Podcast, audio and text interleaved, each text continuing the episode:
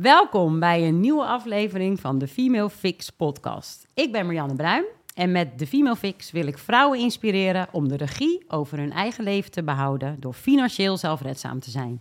Een belangrijke voorwaarde in de weg naar vrijheid en gelijkwaardigheid. In elke aflevering ga ik in gesprek met een andere vrouw, zodat jij en ik geïnspireerd raken en we van elkaar kunnen leren. Deze podcast wordt mede mogelijk gemaakt door crowdfundingsplatform Landland, waarop je belegt voor sociaal en economisch rendement. Vandaag ga ik in gesprek met Gen Z en gender equality expert Laura Bas.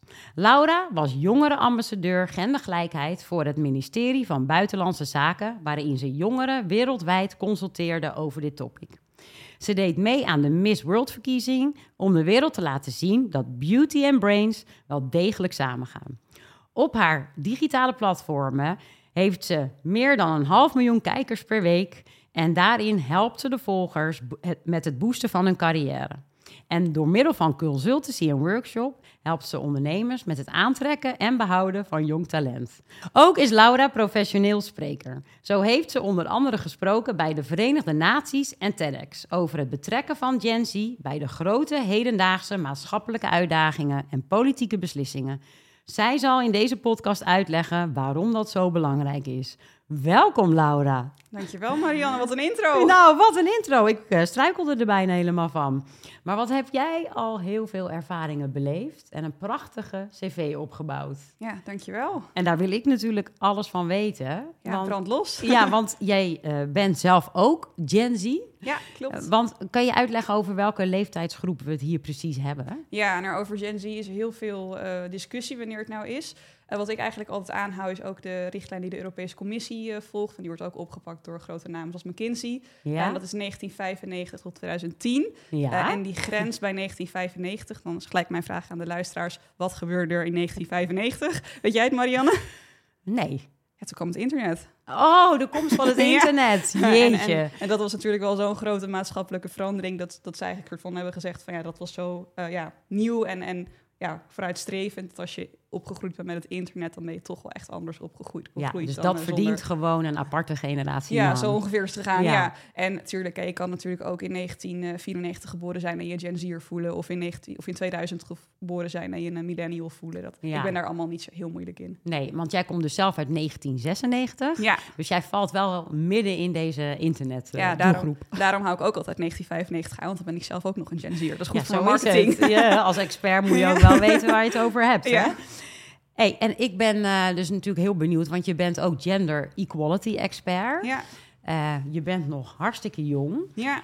Waar komt deze intrinsieke drijfveer vandaan om je zo bezig te houden met gender equality? Ja, nou dat begon al heel vroeg. Uh, ik ben zelf opgegroeid zonder biologische vader. Mijn moeder was alleenstaande moeder. En de eerste drie jaar van mijn leven heb ik bij mijn opa en oma gewoond. Omdat mijn ouders zijn op een vervelende manier uit elkaar gegaan. Niks goed geregeld. Dus mijn moeder had en geen baan en geen geld. Uh, dus die stond bij mijn opa en oma uh, op de stoep. stoep. Mm -hmm. uh, en daardoor ook op hele jonge leeftijd meegekregen hoe belangrijk het is om als vrouw financieel redzaam te zijn, financieel zelfstandig. Ja. Um, en wij hadden gelukkig een heel mooi vangnet. mijn oma, die op dat moment, ja, dat was ook een soort van ieder nadeel heeft zijn voordeel. Het bedrijf waar zij voor werkte ging failliet. Dus mijn oma had geen baan meer. Nou, gelukkig had mijn opa gewoon een prima inkomen. Uh, dus mijn moeder is toen gaan werken. En toen is mijn oma, die heeft eigenlijk twaalf jaar lang uh, ja, dagelijks voor mij uh, gezorgd. Dus die bracht me, nou, mijn moeder bracht me dan naar school. en mijn oma haalde me dan tussen de middag op en na school. En eigenlijk mijn oma en mijn moeder, die hebben met z'n tweeën ontzettend veel zorg voor mij gedragen. Samen met mijn stiefvader, die ook later in mijn leven in beeld kwam.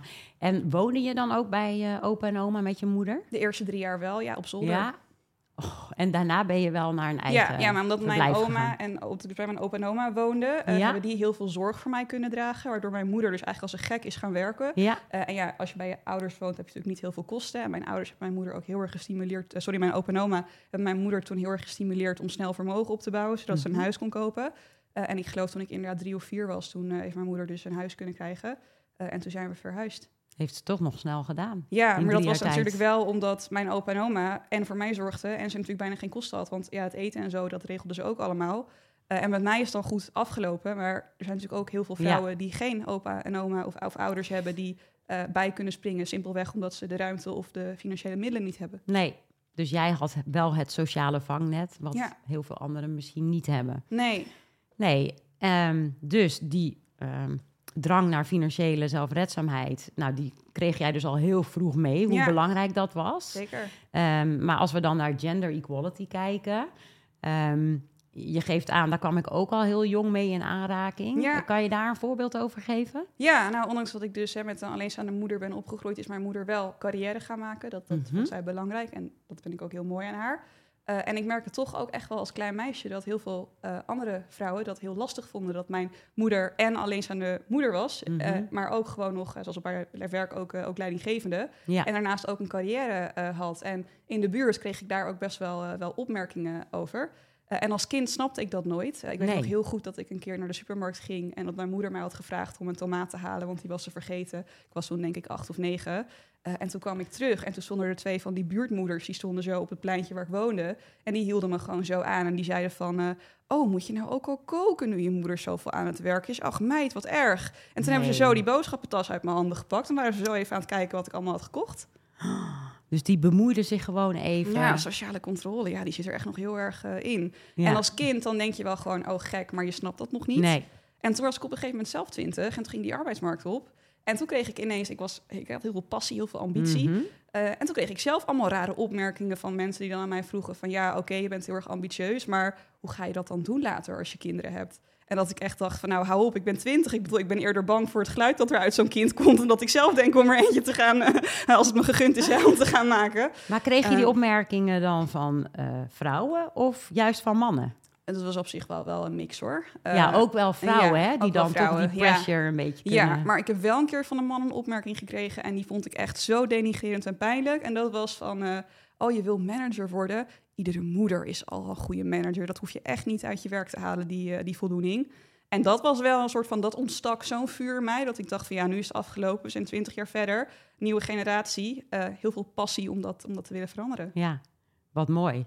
Ja. Maar vaak moet je dus wel even een paar triggers krijgen. Ja. En, je- en jij had dus een rolmodel, want jouw Ja. moeder was jouw eigen rolmodel. En je oma denk ik ook, want die werkte dus ook. Ja, Zodat je ook ziet van, hé, hey, het kan. Je kan gewoon carrière hebben. En Ja. doe even lekker normaal. Waarom zouden wij anders gewaardeerd moeten worden dan mannen? Ja. Alleen maar omdat wij ook kinderen krijgen, eventueel? Ja, precies. Ja. ja, en ik denk dat ik dat misschien onbewust nu zelf ook wel een beetje doe met mijn, met mijn social media kanalen, waarin ik dus carrièreadvies geef aan, aan mijn generatie. Omdat toen ik 16, 17 was, of, of nou, begin 20, eh, als je toen aan mij had gevraagd, kan jij vijf vrouwelijke rolmodellen opnoemen Ja. of vijf vrouwelijke ondernemers? Dan had ik dat niet per se gekund. Nee. En toch het schoonheidsbeeld, en dat is ook een beetje wat ik voor van tegengas probeer te geven als influencer. Onder vrouwen is het toch heel erg hè, die mooie meid met de Ja. prachtige kleding of in de bikini met een geweldig lichaam. En ik mis soms wel een beetje de, de inhoudelijke vrouw op, op social media. Ehm, waarbij ik ook laat zien dat je als vrouw ook gewoon hè, tips kan geven over werk. Ik doe ook een ChatGPT, dus ook een beetje eh, techniek, hè, die Ja. kant op, eh, innovatie, digitaal. Ehm, dus ja, ik denk dat ik daarin toch onbewust ook een soort van tegengas eh, wil geven. Ja. Maar het is ook bizar, want als je dan kijkt naar eh carrière boosten en naar de salarisverschillen, ja.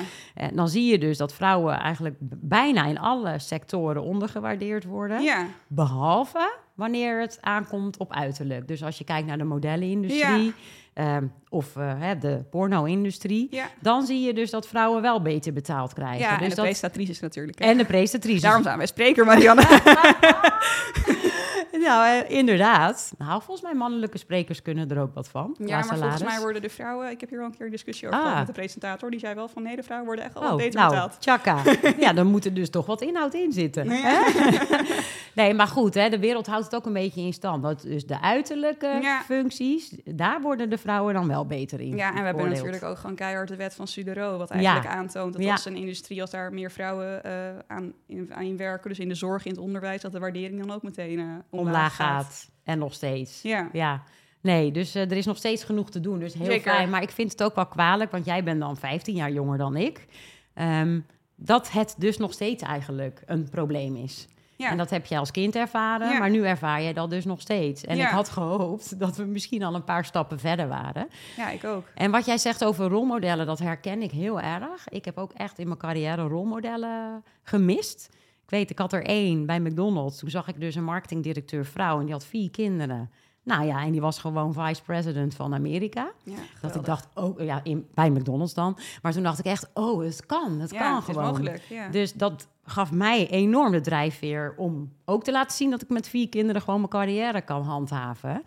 Ehm, maar je hebt ze nodig om je aan op te trekken. Ja, zeker. Ja, ik heb zelf ook een heel groot eh, netwerk van eh, vrouwen om me heen. En daar ben ik heel dankbaar voor. Eh, en ja, die creëren ook echt eh, kansen. Wat net over mijn TED-talk. Mijn TED-talk heb ik bijvoorbeeld ook gekregen... doordat Elske Doets, eh zaakvrouw Ja. van het jaar 2017... mij op een dag belde en zei van... Goh, Laura, ik ga naar een pers-event van TEDx Amsterdam Women. Heb je zin om mee te gaan? En ik ben zelf een goede netwerker, dus ik, ik zag daar ook meteen een kans in. Maar ja, als Elske me niet had gebeld, hadden Nee. zij me ook niet gekend. Nee, maar je hebt de kans ook wel gegrepen. en Ja, het is een iets combinatie. mee gedaan. Ja, zeker. Het is een combinatie. Maar ik zeg altijd, kijk, hè, een bal erin schieten is soms is makkelijker dan de voorzet geven soms. Eh, en zo zie ik dat wel. Ik zie heel veel vrouwen hebben mij heel veel voorzetten gegeven. En ik Ja. heb de bal er dan ingeschoten. Ja. Om even in mannelijke termen te Mooi, ja. heel mooi. Lekker masculien. Ja. hè? Ja, maar ik ben wel ontzettend dankbaar voor al die vrouwen die mij die voorzet gaven. eh, in plaats van eh, te pro- zelf proberen de bal erin te schieten. Ja, want dat miste ik soms ook wel in de corporate wereld. Als je dan hebt even over die bal aangeven. Ik merkte ook wel hoe hoger in de boom, hoe Ja. minder vrouwen. Zeker. Nou, en dan heb je natuurlijk het eh, krabbenmand-effect. Ja. Ehm, dat ik niet altijd de support heb gevoeld Nee. die ik, die ik nodig had gehad. Nee, ja, en dat is ook het, het moeilijke soms in de discussie. Kijk, dat merk ik ook. Je komt heel veel vrouwen tegen die zeggen: ja, we moeten elkaar verder helpen. En Ja. ik, ik ga jou ook verder helpen, maar dan vervolgens niks voor je doen. Of het houden bij één keer in het half jaar een belletje en dan, oh, wat ben je goed bezig. Ja. En eh, je kan maar altijd om hulp bellen, vragen Ja. hoor. En dan niks van je laten horen. Ik denk dat het heel erg belangrijk is, dat heb ik ook moeten leren. Kijk, er zijn gewoon er zijn echt vrouwen die jou verder willen helpen. Maar laat, hè, kijk ook of ze, het, of ze het waarmaken. Ja. Welke vrouw helpt jou echt verder? Welke vrouw, als jij er niet bent, gaat tegen andere mensen zeggen... goh, je moet Laura bellen. Of Ja. oh, misschien zou je haar eens een keer Ja. eh, moeten- toevoegen op LinkedIn. En dat zijn er toch niet zo heel veel. Ze zijn er wel, hè? Echt, eh, die zijn er, dat wil ik even benadrukken. Maar let daar ook op. Ja, en ze zijn er zeker. Want dat is ook de reden dat ik juist de podcast ben gestart. En ook het boek heb geschreven met rolmodellen. Want ik vind het juist zo belangrijk dat eh, we kanalen creëren waar andermans verhalen worden gedeeld. En die jou dan weer inspireren om er wat mee te doen. Ehm, hè, want mannen hebben natuurlijk vaak grotere netwerken. ja, Maar wij kunnen op deze manier ook communities en Zeker. netwerken creëren. ja. En ik denk ook, dat zou ik ook vrouwen mee willen geven. Ik heb heel veel mentoren die ik heb, die heb ik gewoon zelf uitgekozen. Ja. Eh, en die heb ik gewoon zelf benaderd. Dus zelf gewoon gekeken, nou, wie zou ik willen zijn? Wie vind ik tof? En eh, nou, die heb ik dan gewoon op LinkedIn een bericht gestuurd. Wel een uitgebreid, lang bericht, goed onderbouwd... waarom die persoon eh, zo leuk vond. En zo heb ik eigenlijk zelf gewoon mijn netwerk gecreëerd. ja. Dus dat zou ik ook tegen andere vrouwen willen zeggen van... goh, wie vind jij nou heel erg tof? Stuur die gewoon een bericht. Kijk of je daar een keer een kopje koffie mee kan drinken. En Ja. als je nou een klik hebt, nou, dan is de grote kans dat die vrouw je verder wil helpen. Of man. Ik heb het Ja. ook bij mannen gedaan. ja, en heb je dan misschien ook nog een tip eh, hoe je die angst zeg maar doorbreekt? Want jij benadert mensen heel makkelijk. Hè? Ja. Je zei net ook heel mooi, ik ben de e- enige Gen Z'er die belt. Klopt, bellen is echt mijn asset. Ja, precies. Ik zie dat thuis ook bij mijn kinderen. Dan hebben ze drie maanden lang gewoon niemand gebeld. Alles gaat natuurlijk alleen maar Ja. Via de Snap en eh, WhatsApp. Ja, Ehm, dus hoe eh, leg je die lat wat lager om gewoon te gaan bellen? nou wat ik altijd zeg, ik denk dat ik nu in de afgelopen jaren ongeveer wel 100 mensen heb benaderd. Mhm. En hoeveel mensen denk jij dat mij hebben afgewezen? Nou, misschien ehm, tien van de honderd? Ja, nog net iets minder. Ik denk dat het er zeven Ja. of acht zijn geweest. Er van eentje zelfs mijn oude eh, school was geweest. Daar wilde ik toen eh, ook een presentatie Ja. geven. En notabene waar ik had gestudeerd, die, die Ja. ging daar helemaal niet op in. Dus dat vond ik wel heel erg grappig. Dat was gewoon een soort van laaghangend fruit wat je dan dacht. Maar de meeste mensen reageren daar gewoon heel positief op. En het is natuurlijk wel belangrijk, hoe doe je dat? Hè? Dus ga niet een berichtje sturen met... eh hey, ik wil dit van jou. Nee. Maar hè, geef een oprecht, toon in- oprechte interesse. Laat zien wat je waardeert in die persoon. Ja, laat zien dat je onderzoek hebt gedaan. Dus als jij gewoon een onderbouwd, vriendelijk bericht stuurt... dan zijn Ja. mensen daar echt wel eh, ja, goedwillend in om daar antwoord op te geven. Eh, en dat is een skill. De eerste keer is het heel moeilijk, maar dat is ook een beetje hoe bouw je zelfvertrouwen op. Ja, de enige manier om zelfvertrouwen op te bouwen is om een soort van positieve bevestiging te krijgen dat iets werkt. Ja. Dus iedere keer als jij weer een ja hebt gekregen of dat iemand met jou af wil spreken, dan is de kant, dan denk je ja, maar de vorige keer lukte het ook. En dan Mhm. ga je steeds verder. Dus de enige manier om dat te doen is echt door dat te proberen en door die positieve bevestiging te krijgen. En dan word je daar steeds zelfverzekerder in. Ja, en ook al zou het een nee zijn, Ehm, dan is dit dus ook weer een message richting de ondernemer of mensen die in grote bedrijven werken. Ja, Iemand doet dus zijn best. ja, Die wil iets eh, komen brengen ja, en iets komen halen. Ehm, dan is het ook heel netjes dat je daar dus wel een reactie op geeft. zeker. Ja, Want dat signaleer ik ook wel bij bedrijven. Hè, die hebben het allemaal zo druk. Dan steek jij je nek uit, maar dan krijg je niet eens een reactie, ja. Dat gebeurt natuurlijk ook. nee, dan denk ik altijd van nou, dan past die persoon gewoon niet bij mij. En ik probeer het ook altijd positief in te steken. Dus dan denk ik altijd van nou, dan is er vast een beter of mooier iemand die eh, nog op mij ligt te wachten. Zo Ja, probeer ik er altijd... ja eh, mooie mentaliteit. Ja, rejection is redirection, zeg ik altijd. En dat probeer ik altijd mezelf ook voor te houden als een keer iets niet lukt Ja. of als ik een tegenslag heb. Ja, maar dat heb ik dus eh, van een mannelijke CEO geleerd. Altijd een reactie terugsturen. Ja, Al is het maar één belangrijk. regel. Ja, maar soms moet ik zeggen, ik heb dus ook wel eens gehad dat mensen inderdaad dan me negeerden. En dan kwam ik ze wel eens tegen op een netwerkevent. En dan had ik ook gewoon het gore lef om op die persoon af te stappen. En dan gewoon heel vriendelijk. En dan te zeggen, nou wat leuk dat ik je nu in het echt leer kennen. Ja, ik heb je ook al eens een keer een bericht gestuurd op LinkedIn. Nou, en dan zie je die persoon wel een beetje stress. Want die denkt ineens, oh kut, Oh, dat had ze ook gedaan. Ja. En eh, ik heb helemaal niet gereageerd. Mhm. Maar dan sta jij wel 1-0 voor, want die persoon voelt zich ongemakkelijk. Ja. En dan kan je soms alsnog in persoon die wat je wilde... Kan je toch nog die je- bal eh, in het want, doel want, want die persoon die staat eigenlijk al 1-0 achter. Dus ja, die gaat toch, en dan sta je toch op een eh, ongelijke voet. Dus Ja. dat is, dat- ik probeer altijd overal de kansen van in te zien. Ja, en waar komt die positiviteit eh, bij jou vandaan? Ja, goede vraag. Eh, nou, ik denk dat ik gewoon heel erg doe waar ik heel veel passie voor heb. Eh, Mhm. ja, me daar vol voor geef. En dat is ook een, een, een keuze. Tuurlijk, hè, ik heb ook dagen dat ik het allemaal even niet zie zitten. En vergeet niet, ik ben pas een jaar aan het ondernemen. Ik heb het ook zwaar gehad. Maar ik probeer mezelf eigenlijk altijd ook de vraag... Dus ik, mijn wereldbeeld is gewoon dat mensen je altijd wel willen helpen. En ik hou mezelf altijd gewoon heel erg voor... als ik een probleem heb, wie kan mij helpen? Ja. En dan ga ik gewoon net zo lang door totdat ik de persoon heb gevonden die mij kan helpen. En door in plaats van te denken van het, het lukt me niet of ik ben niet goed genoeg... denk ik altijd van oké, maar wie is dan wel goed genoeg? Wie kan mij helpen? Ja. En dat wereldbeeld maakt gewoon dat ik heel positief ben. En ik denk, als mensen mij dan willen helpen, en ook heel veel mensen hebben het ook gratis gedaan, dan krijg ik daar zoveel dankbaarheid van. Ja. Dat maakt je Ja. ook heel positief. Dat is waar. En heb je ook een beetje eh, van je moeder en je oma meegekregen qua positiviteit, hoe je in het leven staat? Ehm, nou, ik heb van mijn, eh, mijn moeder is natuurlijk wel een voorbeeld geweest qua carrière. Ik heb van mijn oma wel ontzettend veel liefde gekregen. Dat Ja. was echt een, een enorm warm bad. Ja. Moeder ook hoor, maar ja, oma's zijn toch anders daarin. Mhm. Ehm, ja, dus ja, dat denk ik eigenlijk. Mooi. Hey, en eh, nou, vervolgens eh, kwam jij dus een beetje in de puberteit. Je eerste baantjes Ja. kwamen eraan. Ben jij ook gelijk naast je opleidingen gaan werken? Ja, ja, ik moest op mijn zestiende al van mijn, mijn moeder en mijn stiefvader op dat moment... ja, moest ik mijn zestiende gelijk al werken. Dus dat was gewoon eh, nooit eh, eh, een optie om niet te gaan werken of zo. En ook altijd veel gedaan. Mhm. Ja, dus dat was voor mij altijd gewoon heel vanzelfsprekend. Ja, maar goed, hè, je, je praat makkelijk, je bent communicatief heel erg vaardig. Heb ik moeten leren. Hè? Ja. Ik, ik heb eigenlijk pas op mijn studie eh, geleerd om communicatief vaardig te zijn. En dat kwam door twee aspecten. Dat kwam door eh, daten. Op een gegeven moment toen eh, je bent jong en je wil wat. Ja, precies. Ja. En eh, nou, toen moest ik dus, ik, ik deed online daten. Dat was toen net, was allemaal net nieuw, Bumble en zo. ja? Ja, en als jij dan iedere week met iemand die je online kent in de kroeg moet gaan zitten, ja, dan word je op zich vanzelf wel wat communicatief vaardiger. Eh, en daarnaast, ik was me er ook bewust van, ik, ik was eigenlijk helemaal niet zo communicatief vaardig. Eh, en daar was ik me heel erg bewust van. En dat vond ik ook eigenlijk heel erg onhandig, omdat ik wel Mhm. altijd zag dat succesvolle mensen, ik ben heel erg eh, een observeerder, zou Ja. ik misschien niet zeggen als je me nu hoort praten. Ehm, maar ik zag wel altijd dat succesvolle mensen heel communicatief vaardig waren. Mhm. En toen dacht ik wel van, oké, hoe kan ik dit nou trainen?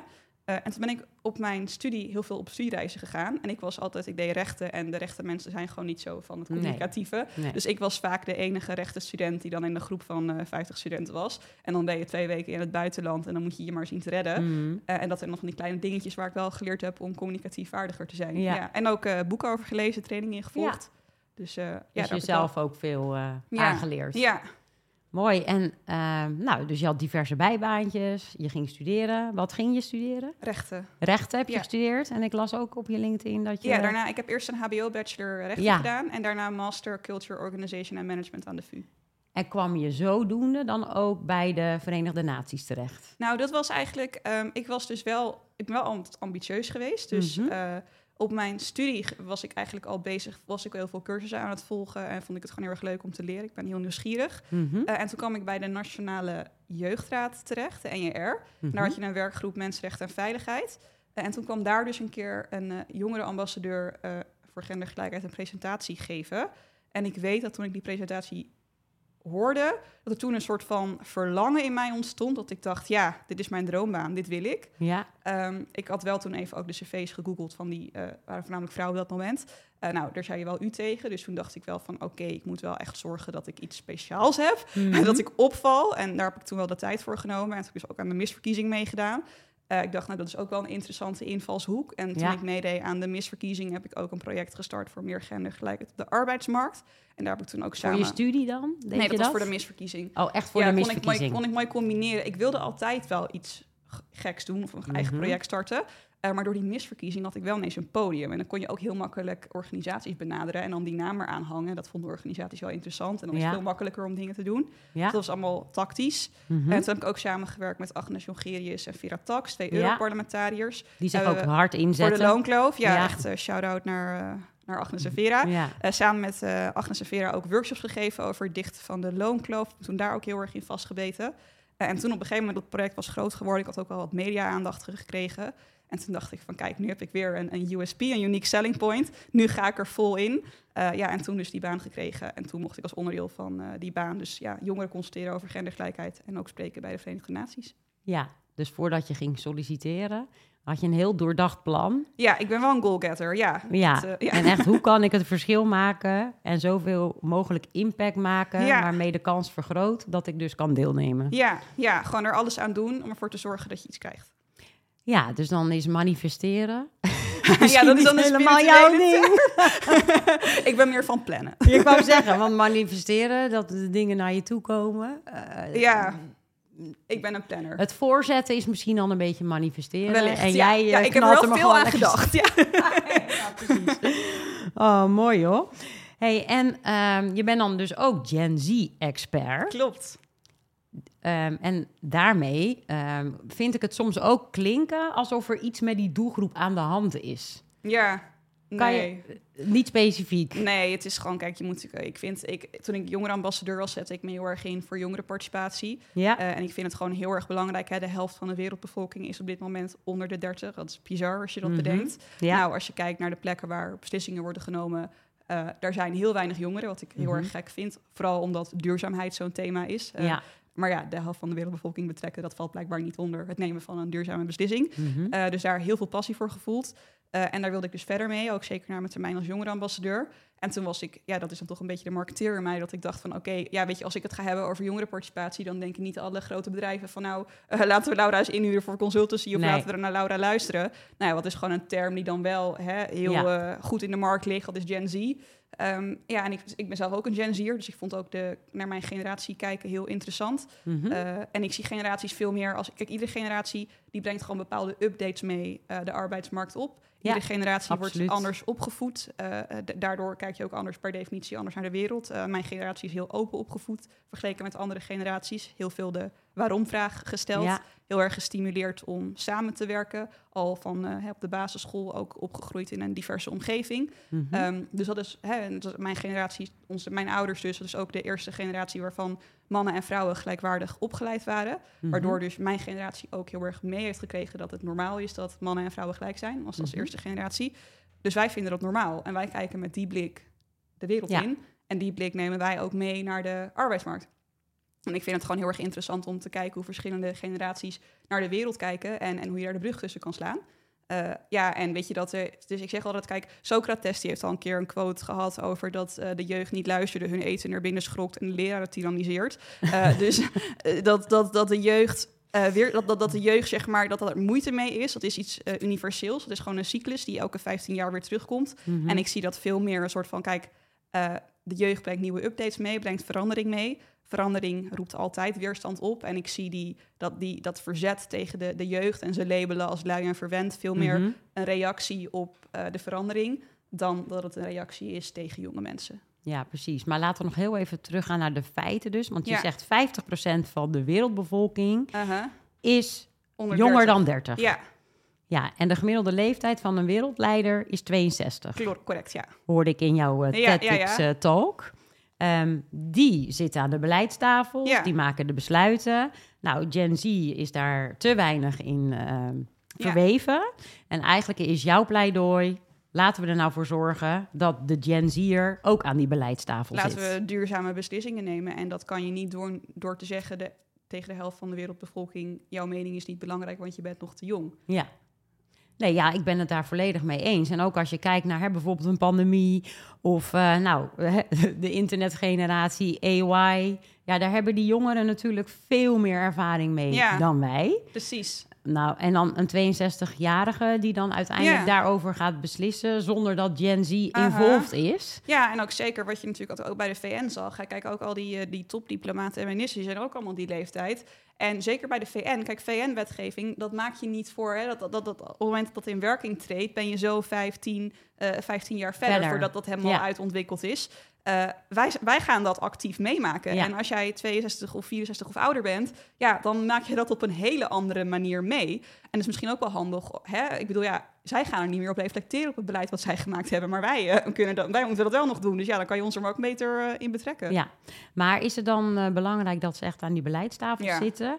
Hè, want je zou ze ook op andere manieren kunnen betrekken. Ja, maar dat vind ik altijd een beetje, dat hoor ik inderdaad wel vaker hè, met van die jongere panels. Maar dan denk ik van ja, eh, ja, dan denk ik van, we gaan toch ook niet, vroeger als ik even vergelijk met, met vrouwenrechten, gingen we toch ook niet zeggen van nou, eh, laten we inderdaad, we kunnen vrouwen erbij betrekken, laten we een vrouwenpanel maken. Weet je wel, Mhm. dat, ik zeg altijd gewoon van nee, nee, zet ze gewoon aan de grote mensentafel. Het is geen Ja. kinderfeestje. Eh, hun stem is ook gewoon evenredig wat waard in, in die discussie. Ja, en als we dan eh, kijken naar organisaties, inderdaad heerst er best wel een beeld hè, over de Gen Z-medewerker. eh, dat ze wat luier zijn, eh, dat ze Ja. eerst nog eens even lekker willen gaan sporten, wat Aha. later binnenkomen, Ja. eerder weggaan. Hoe kijk jij daarnaar? Ja, dat vind ik gewoon weer van die eh ja, papegaaipraatjes die de media dan opgooit. Terwijl als je gewoon naar de harde eh, data kijkt, het CBS heeft daar recent ook eh, cijfers over gepubliceerd. Er is geen leeftijdsgroep die meer werkt, dus hè, die, waar, waar het aantal fulltime werkenden zo groot is als tussen de 25 en 35-jarigen. Mhm. Dus de millennials en de, en de Gen Z'ers, die werken gewoon het meest van alle generaties. En het zijn juist de, de 55-plussers die minder zijn gaan werken. Die massaal minder werken. Dus ik vind altijd wel heel interessant dat dan die groep over de zetters en de zeggen dat ze niet werken. Terwijl de Mhm. data eigenlijk het omgekeerde eh, laat zien. En ja, wat ik eigenlijk gewoon zie, is een soort van media-circus waarin iedere vijf à zeven jaar dus weer dat... Ja, over millennials zeiden ze ook dat die verwend en lui waren. En bij Gen Z wordt dat nu weer herhaald. En, en iedereen die, Mhm. eh, die praat gewoon die, eh, die krantenkoppen na. Ja. ja, dat is ook zo. Ehm, maar wat ik er wel goed aan vind. ehm, kijk, mijn generatie zelfs nog is best wel opgevoed met ehm, heel hard werken. Die Ja, willen maar poetsen. precies, Gewoon gaan, ja. gaan, gaan, gaan. Ja. Zonder dat je af en toe eens eventjes bij jezelf stilstaat met wat wil ik nou eigenlijk. Ehm, wat ik heel positief vind aan de Gen Z-generatie is ehm, dat ze zich realiseren van ja, ha- hallo, hard werken, belangrijk, maar er is meer dan alleen Ja. maar werk. Ik wil ook een stukje Klopt. zingeving, Ja. ik wil een stukje betekenis geven aan de wereld. Eh, ik wil inderdaad eh, meer aan mindfulness, aan yoga Ja. doen, omdat het ook belangrijk is om te ontdekken waar mijn vuurtje van aangaat. Ja. Achteraf eh, vind ik het wel eens jammer dat ik dat nooit eerder heb gedaan. Aha, ja, nee, dat is, die, die ontwikkeling zie ik ook inderdaad. Dat, dat Gen Z veel zelfbewuster is, daar ook mee, eh, mee bezig is. Eh, dat is ook een beetje onze opvoeding. Kijk, ik ben ook wel opgevoed. Ik weet niet hoe jij je kinderen opgevoed hebt, Marianne. Maar ook opgevoed met dat werk leuk moet zijn. En dat is Mhm. natuurlijk ook weer een hele andere manier Mhm. van naar de wereld kijken. Eh, Ja. En ik denk dat jij misschien meer bent opgevoed met... nou, er moet vooral brood op de plank komen. En als het leuk is, is dat een mooie bonus. Ja, Maar dat is wederom weer een andere manier van, van naar de wereld kijken. En ik denk dat het een hele gezonde manier is om eh, eh, werk ook leuk te vinden. Want je moet ook voldoening uit je werk halen. Eh, en wat ik veel bij organisaties eh, zie, is dat, hè, dat, dat de rode loper wordt uitgelegd. En de facturenteksten die zijn prachtig en fantastisch. Eh, maar ja, ik heb ook wel eh Gen Z'ers meegemaakt die dan bij een bedrijf gaan werken. En die dan eh, vier jaar gestudeerd hebben en over hele complexe eh, dingen na moesten denken op hun studie. En dan vervolgens anderhalf jaar lang bij een consultancy firm alleen maar PowerPoints aan het maken zijn. Dan denk ik, Mhm. ja, dat, dat, dat, Ja, dat snap ik wel. dat is dat niet je- de realiteit. Nee, ja. dan snap ik wel dat je daar niet gelukkig van wordt. Ik denk dat heel veel mensen dat wel snappen. Mhm. En natuurlijk, hè, je moet ook als jongste generatie, zeker als je ergens binnenkomt, hè, je begint natuurlijk altijd een beetje onderaan de ladder. Eh, maar ik denk wel dat het een hele belangrijke stap is, ook voor organisaties, om wel te gaan kijken van oké, hoe zorgen wij er nou voor dat onze medewerkers energie krijgen uit hun werk? Ja. En als zij met, eh, met bosjes uitblussen, dan is het toch wel een signaal dat er wel heel veel verouderde processen binnen Ja, ons eh, bedrijf het is zitten. wat meer it takes two to tango. Ja, Dat het meer Ja, een wisselwerking precies. is met respect Ja. voor elkaar. Zeker. En het is ook een hele andere arbeidsmarkt. Kijk, dat is natuurlijk eh 10, eh 20 jaar geleden. Volgens mij in 2008 hebben we natuurlijk een hele erg crisis gehad. Toen eh, had je dus inderdaad... eh, De Eh, bankencrisis. dan had je veel minder te zeggen. Maar als je nu kijkt ook met de bevolkingspyramide... de Mhm. komende 20 jaar blijft gewoon de arbeidskrapte. Dat, dat is gewoon een feit. Dus dat maakt ook dat je in een andere markt zit. Dus je kan als, als werkgever ook veel minder... Je, je bent eigenlijk je bent heel lang heb je in een luxe positie gezeten. Ja, En, en dat is nu gewoon een ander tijdperk. En dan heb je ook nog eens een keer die behoefte van de jongste generatie die impact wil maken, eh, die zijn werk ook leuk wil vinden, gelijktijdig ook verantwoordelijkheid wil. En dat is wel gewoon een nieuwe dynamiek Ja. die de arbeidsmarkt eh, ja, aan het beheersen is. Ja, en wat misschien ook goed is om eh, te realiseren als Gen Z'er, dat je ook wel vaak zingeving in je werk kunt hebben. Ja. Hè, dus het hoeft niet on, eh, of-of te zijn. Nee. Je kan ook heel vaak vanuit je baan Ja. op zoek naar projecten Zeker. eh, vanuit je bedrijf waar jij dan een bijdrage aan mag leveren. Ja, Eh, en dat zou dan bijvoorbeeld 10% van je tijd kunnen zijn. Maar Ja. dat kun je bespreken natuurlijk Nou, gewoon ik met zie- HR. überhaupt wel heel veel Gen Z'ers daar al voorafgaand naar kijken. Hoor. Kijk, vroeger was het natuurlijk al veel populairder om voor Shell te gaan werken. Nou, Ja. ik kom nu nog weinig jonge mensen Ja. tegen die zeggen van... nou, mijn grote droom is om eh, bij Shell te gaan werken. Ik zie, ik zie dat ze daar al eh, vooraf al heel erg rekening mee houden. Dat ze verantwoordelijkheid willen en aan het einde van de dag willen denken van... nou, ik heb iets nuttigs gedaan. Ja. Hey, en dan als we naar financiële zelfredzaamheid eh, kijken. Het is ook best een uitdaging voor de Gen Z-generatie. het leven wordt natuurlijk alleen maar duurder. De huizenprijzen zijn niet te betalen bijna in je eentje. Ehm, wat zouden Gen Z'ers zelf kunnen doen aan hun financiële zelfredzaamheid? Ja, nou met name daar gaan we natuurlijk zo ook over hebben. Kijk, als vrouw is het gewoon ontzettend belangrijk om financieel red- zelfredzaam te zijn, Mhm. financieel zelfstandig. Dat zou ik echt iedere vrouw op, op het hart willen drukken. We gaan zo even bespreken hoe je dat dan ja. doet. Ja. Eh, ja, en ik ben ook wel een voorstander van, eh, van beleggen. Gewoon vroeg je daarin eh, in verdiepen. Mhm. Ook zeker nu, hè, ook met nu de communicatie zo open is met podcasts en, en met ChatGPT kan je zo makkelijk zoveel informatie opzoeken. ja. En kijk, en als jij je geld inderdaad op de bank laat staan met de inflatie, dan is de 10.000 euro van vandaag, die is over 20 jaar niet meer 10.000 euro waard. Dat loopt terug. De helft. Ehm, ja. En we zijn wel, maar zeker als ik kijk naar de generatie van mijn ouders, die zijn wel veel meer opgevoed met angst om te beleggen. Ja. Ook omdat er, hè, wat heel logisch is, want er was veel minder kennis Mhm. over beschikbaar. Dus dat is ook veel risicovoller. Mhm. Maar nu kan je jezelf eigenlijk met alle kennis die er is, kan je ook als je niet heel veel verstand hebt van beleggen, eh, daar toch jezelf wel redelijk in verdiepen en gewoon op een veilige, op een, hè, een minder risicovolle manier door middel. Ik mag natuurlijk geen financieel advies geven, maar ik zelf zit heel erg veel in de ETF's, dus in Ja. de, de trackers. Kan je op een relatief, eh, ja, niet heel risicovolle manier toch zorgen dat jouw geld over 20 jaar niet heel erg in waarde is, eh, is gezakt. Dus daar zou ik heel erg naar kijken. ja.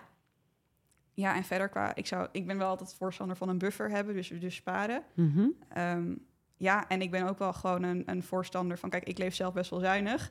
Eh, kleding bijvoorbeeld koop ik allemaal op Vinted. ja. Eh, dus ook gewoon kijken hoe je ja, daarin gewoon een beetje eh, slim Ja. kan. en de side hustles, hè, die zijn bij Gen Z natuurlijk heel erg, eh, In heel erg in trek. Ja. Ja. online verdienmodellen. Ik ben zelf natuurlijk ook ondernemer. Ik werk natuurlijk zelf ook met, met meerdere verdienmodellen.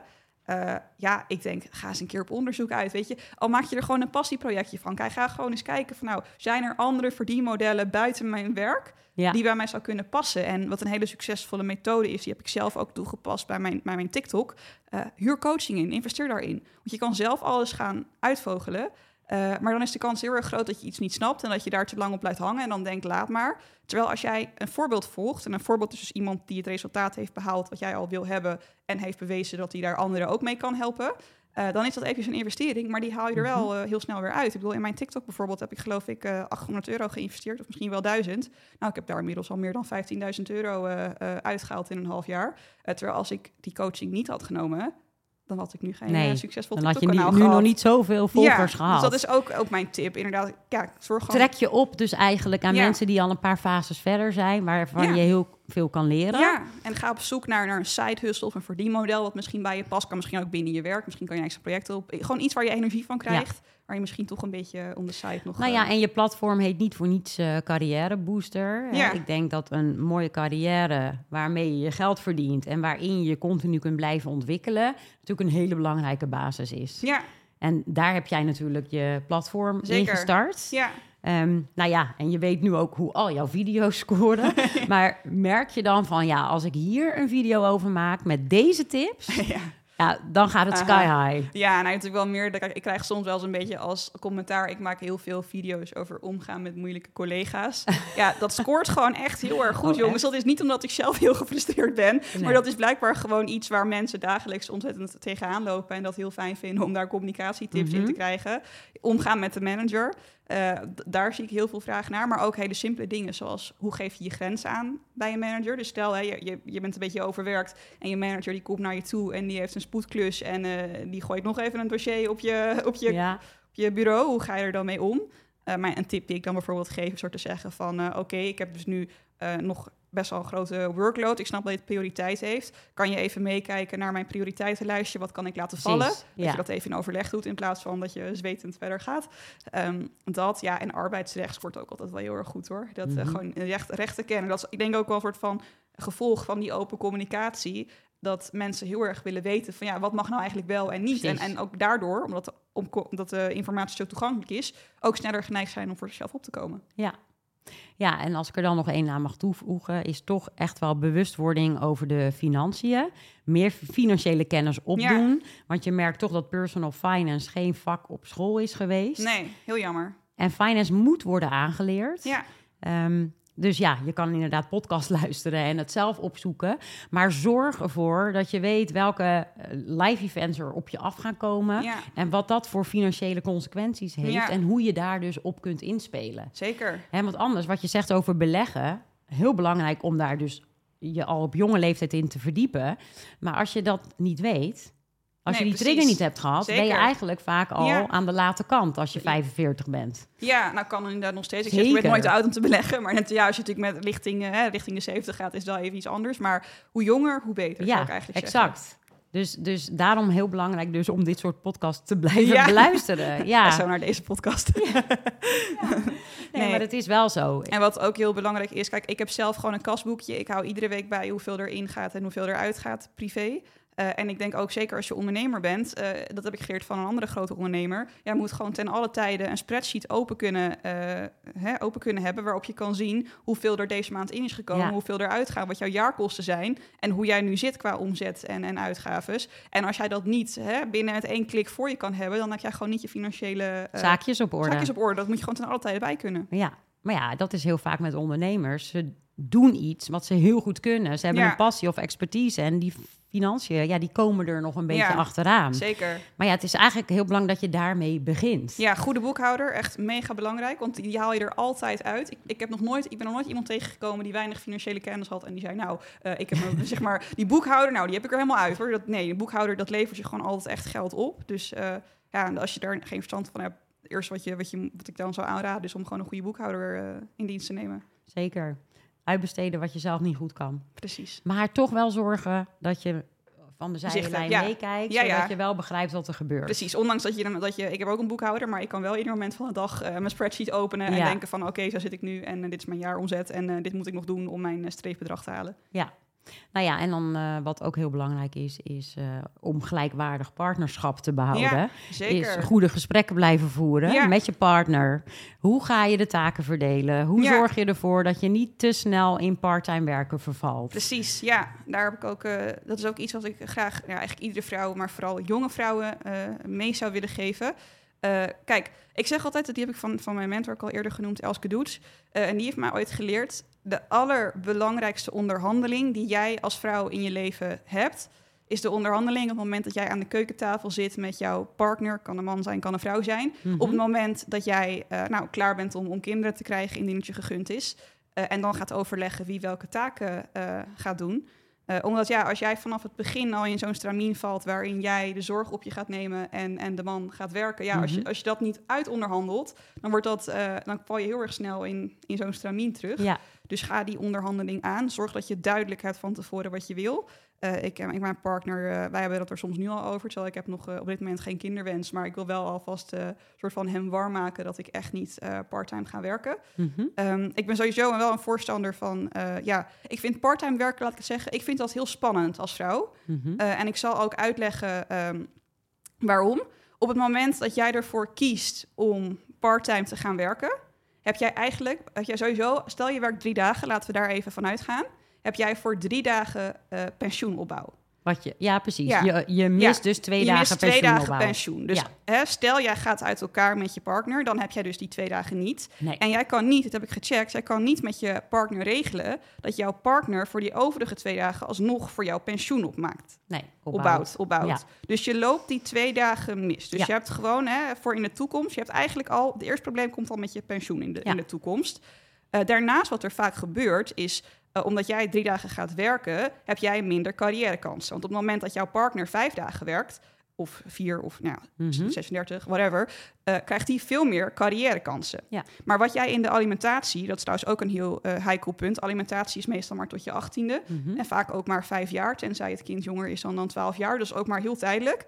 Maar wat er in de alimentatie niet is afgesproken, is dus die gederfde inkomsten die jij mist, omdat jij minder carrièrekansen hebt. Zeker. Dus jouw partner die groeit bijvoorbeeld door naar leidinggevende eh, VP, eh, mooie functie. En jij hebt daaraan bijgedragen. En jij hebt daaraan bijgedragen omdat jij ervoor gekozen hebt om drie dagen te werken. Maar hè, die, die, dat, die discrepantie, Mhm. die zit niet in de alimentatie. Nee, Dus stel jij gaat uit elkaar met jouw partner en jij bent, je hebt eh, stel 10, 15 jaar parttime gewerkt, dat gat krijg jij niet in de financiën. Dus Nee. dat, dat, dat loop je gewoon mis. ja.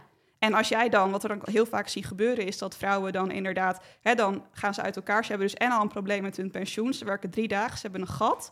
Dan moet je nu, in, in hè, de huizenmarkt is ook nog iets wat, wat aan gaat houden. Moet jij nu op één inkomen gaan proberen een woning te vinden? Nou, ik heb voor, was in het nieuws bij AT5. Afgelopen jaar zijn er in Amsterdam 23 sociale huurwoningen eh, weggegeven aan mensen zonder urgentie. Dus heel lastig om dan een, eh, een woning te gaan vinden. Met één inkomen een huis kopen lijkt me ook heel erg Mhm. lastig. En omdat je dat gat hebt op je cv, ja, ga dan nog maar eens carrière maken. En dan kom je eigenlijk in een situatie waarin je misschien ontzettend veel meer in je mars hebt gehad, maar niet die carrièrekansen meer kan krijgen, omdat je zo'n gat hebt op je cv.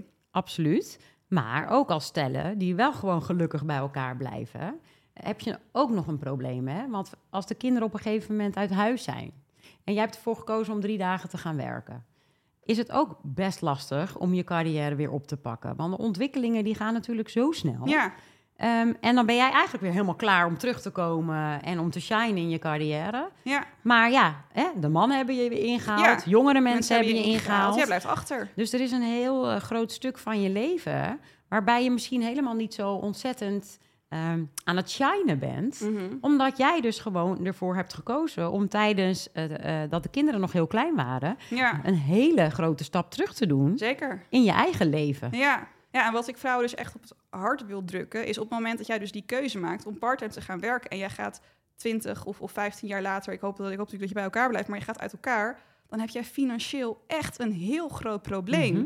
En wat ik, ik heb ontzettend veel vrouwen, ook moeders, hè, dus mijn Mhm. leeftijd ben je opgegroeid. Ik, wat ik ontzettend jammer vind, is dat je, dat je dan vaak ziet, is dat dan, hè, dan zeggen die, we gaan uit elkaar. En wat geen eh, ongebruikelijk scenario is, is dat dan eh, de, de man die ontmoet dan een eh, zeven of tien jaar jongere vrouw, die, die ambitieus is, die werkt, die, die, die fijn in het, in het leven staat. En dat vindt hij ineens heel erg Ja, aantrekkelijk. Want ja, die vrouw die hij heeft, die zit al eh, 15 jaar, die werkt part-time. En die zit staat heel, thuis. staat heel Ja. anders in het leven. En wat ik dan heel erg vaak zie, is die vrouw heeft het niet goed ge- ge- geregeld. En die blijft dan dus achter met die financiële shit, wat ook onterecht is. Hè? Ik bedoel, laat ik het vaststellen, ik vind helemaal, ik vind helemaal dat dat gecompenseerd moet worden. Maar Ja. dat is helaas niet de realiteit. En wat je dan vaak heel erg ziet, is dat dan die vrouwen toch een soort van verbitterd achterblijven. En die man gewoon met zijn carrière en zijn tien jaar jongere vrouw eh, lekker verder gaat leven. En jij daar zit met, met de shit. En wat je dan ook nog vaak ziet, is dat dan, hè, dan krijgt die nieuwe vrouw, die krijgt dan de schuld. Die is dan ineens de, de boze stiefmoeder. Mhm. Terwijl ik denk van nee, jouw, jouw ex-man is niet, eh, die, zeg maar, die stiefmoeder heeft niet jouw ex-man gestolen. Jouw ex-man is verliefd geworden op een ander of hij ging vreemd. Dus laten we dan ook niet weer die andere vrouw daar de schuld Nee, van geven. exact. Dat vind ik ook. Maar eh, Saskia Noord zei ook iets heel moois in mijn eh, boek. Regel je scheiding als je op je best bent. Precies, ja. Hè? Maar dan Ja. regel je niet alleen de zonnige tijden, maar juist ook die slechte tijden. En dan heb je nog een goede relatie met Ja. elkaar, Ja. waardoor je het financieel ook goed met elkaar kunt afspreken. Nou, ik heb het hier toevallig. Ik heb hier ook met een expert, Sabine van ook te gast eh, geweest. Ik had haar om advies gevraagd. En wat zij zei, en dat is ook wat ik graag mee wil geven aan jonge vrou- vrouwen, of aan vrouwen in general die misschien in zo'n situatie zitten. Maak ieder jaar een jaarrekening op met je man. Wat heb jij dat jaar verdiend? Wat heeft hij dat jaar Mhm. verdiend? En dan kan je in die jaarrekening, die jaarafrekening die je hebt, kan je bijvoorbeeld zeggen van oké, nou ja, wij moeten dus aanvullend pensioen voor jou gaan regelen. Dat kan je Ja. gewoon opbouwen. Ja. En dan kan je zeggen, nou oké, van dat geld wat jij, hebt inge wat jij hebt ingebracht, ik heb ervoor gekozen om drie dagen te werken, zodat ik voor de kinderen ga zorgen. Eh, daarvan gaat een deel naar mijn aanvullend pensioen, Precies. zodat ik wel die vijf dagen heb. Ja. En wat je natuurlijk ook kan doen op het moment dat eh, je, je man dus een promotie heeft gemaakt, dat je die promotie, dat extra geld, dat je dat gewoon door de helft doet. De helft is voor hem, de andere Ja. helft is voor jou. Dat kan je of in je pensioen stoppen of op je, op je bankrekening zetten. Eh, dat Of beleggen.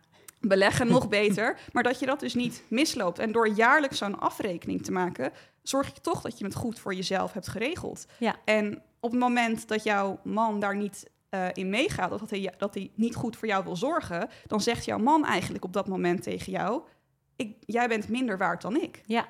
En dat vind ik een heel groot signaal als je in zo'n relatie belandt. Dat is voor mij echt gewoon een hele grote rode vlag, want dat is geen liefde. Eh, ook, al, hè, ook al ga je er misschien vanuit dat je niet uit elkaar gaat, wat ik iedereen hartstikke toegun, dat ik heel erg hoop. Je moet wel in een relatie is gelijkwaardig en daarin moet jij ook ten alle tijden als vrouw voor jezelf kunnen zorgen. En als jij toch die, die keuze maakt om drie dagen te gaan werken, zorg dan dat je dit geregeld hebt, zodat jij niet straks in de shit zit mocht het misgaan. En voor alle vrouwen die... ik word heel gepassioneerd over. En voor alle vrouwen die dan zeggen van... ja, maar dat gebeurt mij niet. Dan denk ik, ja, maar waarom heb je dan een brandverzekering? Waarom heb je dan een inboedelverzekering? Want de kans dat jouw huwelijk stuk loopt... Is is, veel veel groter, groter. dan dat je huis afbrandt. Ja, 50% versus 1% brand. Precies, ja. En wat nog heel belangrijk is, is je eigen rekening behouden. Onderzoek bleek ook dat 60% van de samenwonende stellen hun eigen rekening opzeggen. Ja, Dus die gooien alles op één hoop. ja, precies. En als jij dus die jaarafrekening wil maken en je wilt inderdaad kijken, hé, hey, ik bouw minder pensioen op omdat ik minder ben gaan werken en dat wil ik eigenlijk aanvullen en ik heb nog jaarruimte waarop dat kan. Ja, Ja, dat kan alleen als je ook lekker gewoon je eigen rekeningen Precies, behoudt. En ja. dat zorgt ook voor een stukje autonomie. zeker. Ja, hele mooie aanvulling. En dan hebben we ook nog ouderschapsverlof, hè? Want, ja, dat is ook een belangrijk thema. ja, want ook met onbetaald ouderschapsverlof bouw jij geen pensioen op. Nee, klopt. Ja, en wat natuurlijk ook zo is, eh, wat je heel erg vaak ziet, is dat dat is nog een beetje een, eh, een eh, maas in de wet die, die rechtgetrokken moet worden. Vaders krijgen vaak maar 70% betaald ouderschapsverlof en moeders 100. En wat je dan dus ziet, is dat dan gezegd wordt tegen de vrouw van nou blijf jij maar thuis voor de kinderen. Precies. En dan val je als vrouw heel erg snel al in dat stramien van dat jij dan ook Mhm. automatisch meer taken gaat, eh, gaat nemen. Dus ook daar, hè, als je dan hè, die onderhandeling aan de keukentafel is belangrijk, maar zorg er ook voor dat jou, jou, jouw man wat uit onderhandelt bij zijn werk, dat hij ook gewoon eh, betaald ouderschapsverlof opneemt en daar ook Ja. gebruik van maakt. Ja, eigenlijk zou het gewoon heel mooi zijn als je met elkaar het gesprek voert. Wat kost het leven? Ja, Hè? Dat je voor jezelf een money life plan maakt. Dat je precies weet, dit zijn mijn dromen, dit zijn mijn ambities. Nou, partner, welke dromen en ambities heb jij? Waar Zeker. komen ze samen, waar niet? Eh, neem de what-ifs mee. Hè? Wat als het misgaat? Nou, kan je dan nog steeds je dromen leven zoals jij wil? Ehm, En daar kun je dan ook die financiële bedragen aan hangen. En dan weet je ook wat je nu zou moeten doen ja, in je huidige leven om daar te komen. zeker. Ja, mooi. Maar dat doen we eigenlijk niet. Op school ook niet. Nee, Dus laat laten ons we... niet aangeleerd. Nee, het is ons dus niet meegegeven. Nou, eigenlijk wel een interessante propositie Ja, om te ontwikkelen. Nou, voor je Ehm, volgende boek. Ja, en wat ik ook nog een hele belangrijke vind om mee te geven is... eh, wees geen dief van je eigen portemonnee. Ik, met mijn vier kinderen, besloot ook om één dag minder te gaan werken. Want ik voelde me toch ook een beetje schuldig. Ja. Ook wel sociale pressure. Mijn ouders gaven ook aan, je gaat toch niet eh, fulltime blijven werken. Mijn man met zijn eigen onderneming. Dus ik ging één dag minder werken. Maar mijn werk veranderde niet. Nee, precies. Dus ik propte mijn Vijf fulltime dagen job In vier dagen. in die vier dagen. En dan had ik ook nog vier kinderen. Eh, dus dat, dat gaat natuurlijk helemaal niet. Maar ik pas na een jaar werd dus dat gecorrigeerd. Werd mijn 80% contract weer aangepast naar een fulltime contract. Maar ik moest daar zelf mee komen. Ja, Dus zelf moest ik assertief zijn om Ja. dat aan te kaarten. Ja, ontzettend belangrijk, die activiteit, ja. Ja, en als ik dat toen al had geweten, als ik toen assertiever was geweest, had ik dat natuurlijk nooit laten eh, gebeuren. Nee, Hè, du- dus je merkt zelf ook dat je toch het gesprek zelf met je manager, met HR moet voeren over: oké, ik wil heel graag mijn baan behouden. Ik wil er ook voor mijn kinderen zijn. Ja. Dus kan ik vier keer negen werken? Eh, of kan ik toch gewoon die fulltime uren behouden, maar wel op mijn manier invullen, zodat de werkgever ook een beetje water bij de wijn doet. het, ja. Het is maar een investering voor vier jaar. Hè? Waar hebben we het over? ja, en het is nog mooier als mannen dat ook gaan doen. Dat niet alleen van de vrouwen dat wordt verwacht. Dat je gewoon allebei vier dagen gaat werken. Want kijk, Ja. het kan misschien een beetje overkomen dat wij misschien heel erg aan het haten zijn op mannen. Maar dat is helemaal Nee, niet zo. Hè? Kijk, en er zijn ook heel veel mannen, laat ik dat ook goed benoemen. Die ook gewoon graag meer tijd met hun kinderen willen Ja. doorbrengen. En dat die daar ook tegen aanlopen dat dat stramien is. Dat, jij, dat er verwacht wordt van jou als man dat jij vijf dagen werkt. En de vraag die ik altijd stel is: hoe kan het nou eigenlijk dat we op dinsdagmiddag om twee uur, als je naar een eh, yogaklasje gaat of naar een tennisles, dat je daar eigenlijk zelden mannen ziet? Waarom Ja. voelen mannen zich zo gepressured om niet op dat soort momenten eh, ook even tijd voor jezelf te kunnen inplannen? Ja, Ehm, ja. Het werkt ook twee kanten op. Maar ik zie wel dat, eh, dat ik meer mannen op het schoolplein tegenkom. Kijk, dat is een mooie, dus er zijn ontwikkeling. wel Ja, veranderingen gaande. Kan nog sneller natuurlijk.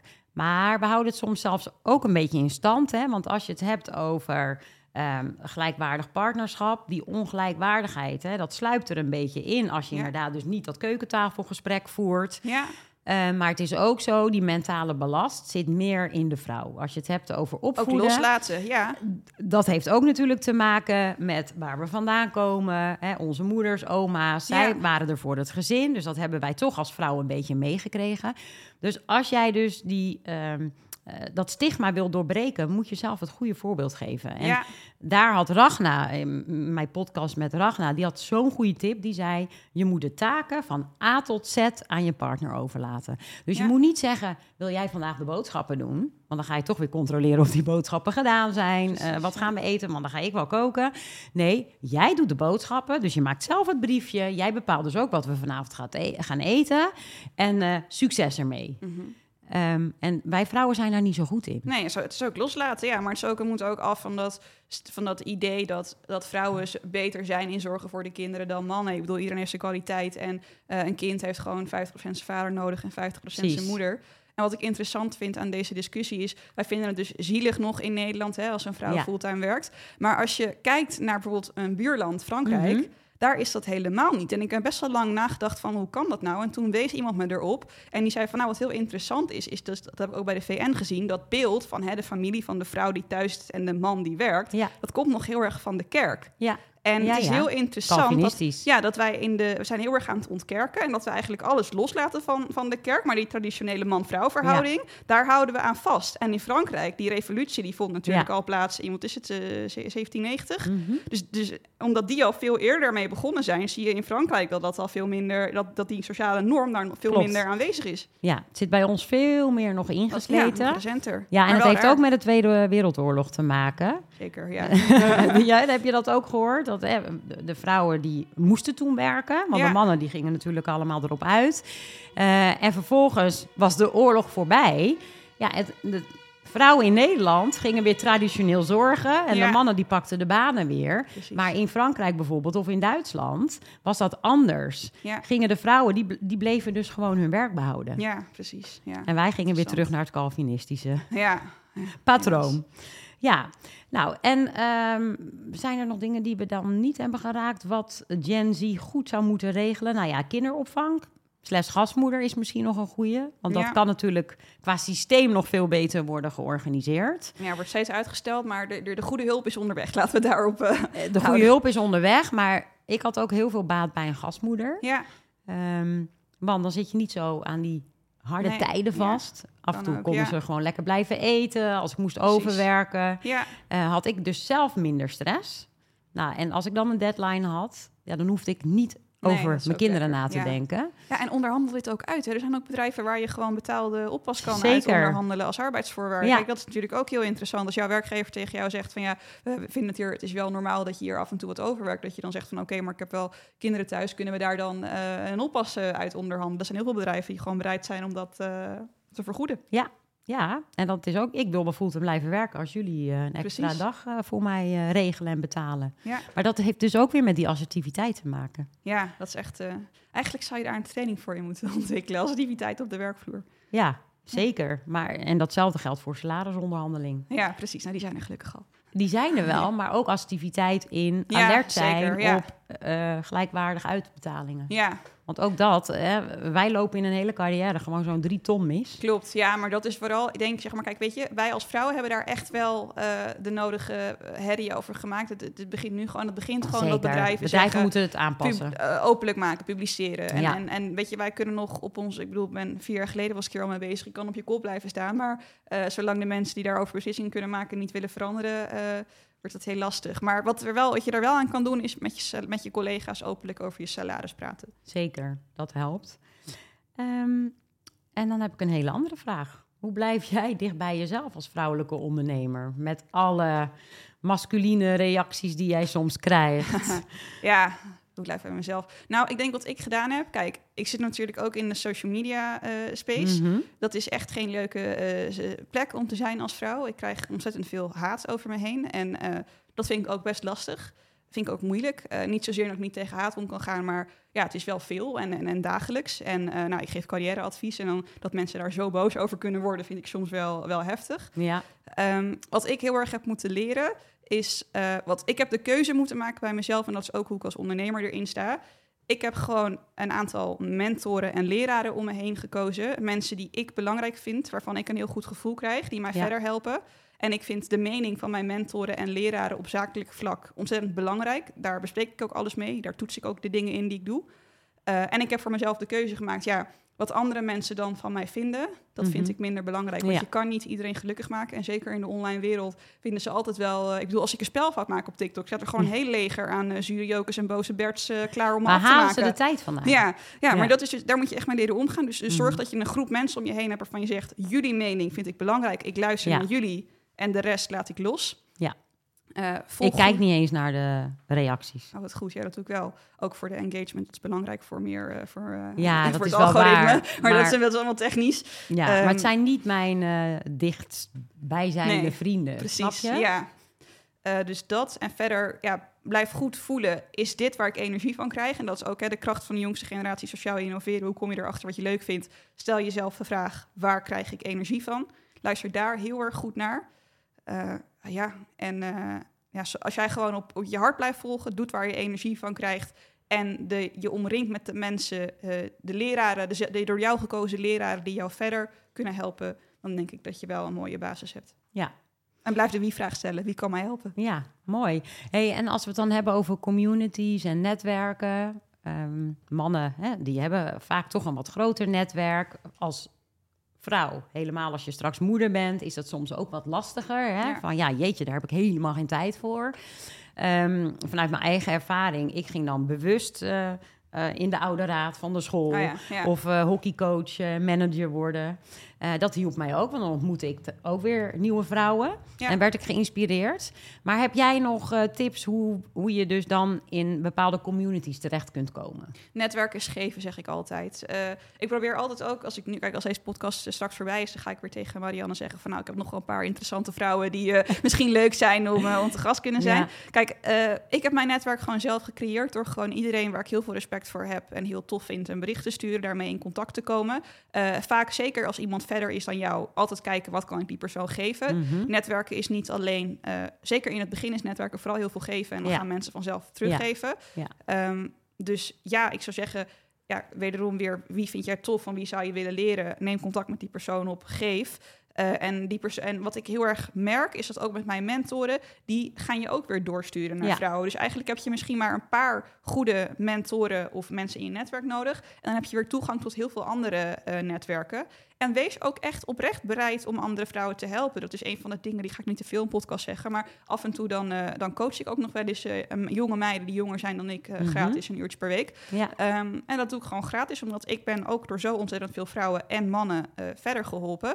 Eh, en zeker als mensen heel veel verder dan jou zijn, dan kan je ze nooit terugbetalen. De enige manier waarop je mensen dan kan terugbetalen is door je dromen waar te maken en door mensen die weer onder jou staan verder te helpen. Eh, en dat probeer ik heel stelselmatig te doen. Dus ja, help Hmm. ook heel veel andere vrouwen, mensen, mannen verder. mooi. Ook een stukje zingeving vind ik dat. Ja, Je, geeft wat terug ja, om de wereld eigenlijk nog Nou, een stukje mooier te maken. Ik denk dat het ook een beetje mijn filosofie is. Ik gun iedereen gewoon dat hij of zij zijn dromen mag waarmaken. Ja. En soms moet je ook een droom waarmaken om erachter te komen dat het niet je droom was, maar Mhm. dan heb je hem wel waargemaakt. En heb je het wel geprobeerd. En ik denk, ja, hoe mooi is het als jij iemand kan helpen met zijn of haar droom. Ja, heel mooi. En als we dan hebben over een stukje impact maken. Ik heb nog een heel mooi eh, luisteraanbod voor jullie. Want deze podcast is mede mogelijk gemaakt door Lendahand. Omdat we allebei een bijdrage willen leveren aan meer gelijkwaardigheid in de samenleving. Dus ben jij geïnteresseerd in crowdfunding, waarmee je een positieve impact kunt maken? Bezoek dan eens het Lendahand platform. Via Lendahand beleg je met zowel financieel als sociaal rendement in ondernemers in opkomende landen. Beleggen kan al vanaf 10 euro op het platform. Een account is gratis en momenteel is je eerste investering tot 500 euro gegarandeerd. En daar heb je de code de Female Fix voor nodig bij je afrekening. En eh, dan krijg je dus gegarandeerd je investering terug. Jeetje, Laura, we hebben echt onwijs veel besproken. Nou, zeg dat. Ja, is er nog iets waarvan je denkt, dit wil ik de luisteraar nog meegeven? Naast alle tips die je al hebt gegeven. Nou, als ik één ding mensen zou willen meegeven, dan zou ik zeggen: heb echt het gore lef om vol passie, vol overtuiging bij jezelf na te gaan. Wat is mijn droom? Waar word ik gelukkig voor? En dat ongegeneerd uit te spreken en daar volledig voor te gaan. Daar hou ik het bij. Dankjewel, Laura.